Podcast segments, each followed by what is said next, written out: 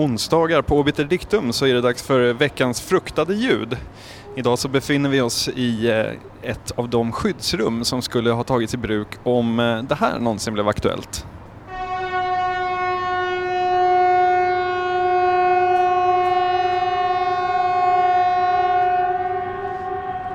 Precis, det beryktade flyglarmet som, eh, eh, som helt enkelt ljuder, nu, nu för tiden bara måndagar, men eh, annars så var det tänkt att vara både om vi blir invaderade eller om det blir någon slags gasläcka och så vidare också tror jag. Det hade varit svårt att missa med den här helvetesluren som ekar liksom. Precis. Jag har ju faktiskt hört flyglarmet en gång på riktigt, eh, när, jag, när det alltså inte har varit test utan skarpt läge så att säga. Och det var när eh, den här gasolvagnen, eh, det här tåget med gasolvagnar välte på bangården i, i Borlänge där jag kommer ifrån. Eh, och då var det så här risk för läcka och sånt där så att allmänheten beordrades hålla sig, hålla sig inne och allt sånt där. Och då, då ljöd larmet. Var det inte så att du eh, tänkte att ryssen kom och skyldrade geväret? Nej, eh, han, jag visste ju redan innan larmet lät att, ja, att vad som hade hänt liksom. Så att... Men du nämnde ju här innan att när du var liten så undrade du om vad som hände om det blev krig en måndag. Och det är en sån grej jag också har funderat på, alltså just det här om ryssen hade invaderat klockan tre den första i en månad, Ja, alltså men det, det, finns ju, jag kommer ihåg att jag tog reda på det där då när jag var liten bara för att jag blev så orolig. Och det finns ju ett system då att då låter signalen annorlunda och, om det skulle vara så att det är skarpt läge en testmåndag liksom. Ja, ja det är olika eh, längd och, och, signaler. Precis. Det, jag tänkte det, innan man lyckades bygga ett sånt här fint system så tände man ju vårdkasa längs stränderna på Mälaren, alltså du vet 700 år sedan det är ett lite mer raffinerat system.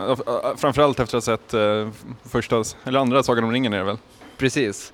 Eh, det var också då tänkt för när, om någon invaderade eller? Ja precis, alltså när man, när man ser dem ute i skärgården då börjar man tända och sen så tog det inte så lång tid, en halvtimme eller något sånt innan ja, Västerås och Örebro och så vidare kände till det.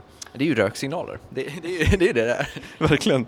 Um, jag tänkte uppe i Uppland så är det ju ganska fascinerande för där sitter ju sådana här små lurar, de som låter, de sitter ju på var och varannan lada man åker förbi för Forsmarks uh, skull. Och, och undrar hur det låter där när de testar den? Ja, det är ingen höjdare kan jag tänka mig.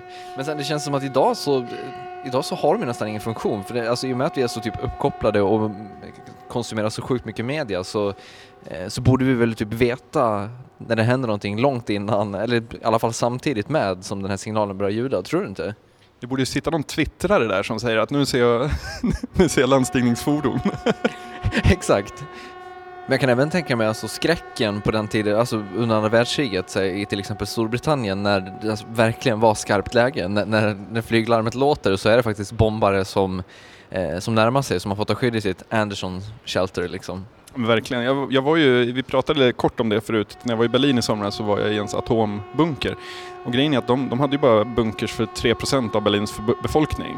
Så man kan ju tänka sig att så här, ja men inte så kul i, eller Västberlins befolkning då, eh, inte så kul läge när det blir tredje världskriget och alla försöker ta sig in. Men anledningen att man gjorde det, det var så att man ville inte att folk skulle klogga vägen dit, för de, där skulle ju NATO-trupperna kunna ta sig in i Västberlin, så då ville man inte ha massa civilister där ute. Så därför byggde man ett par bunkrar och var så här, ja men det är lugnt.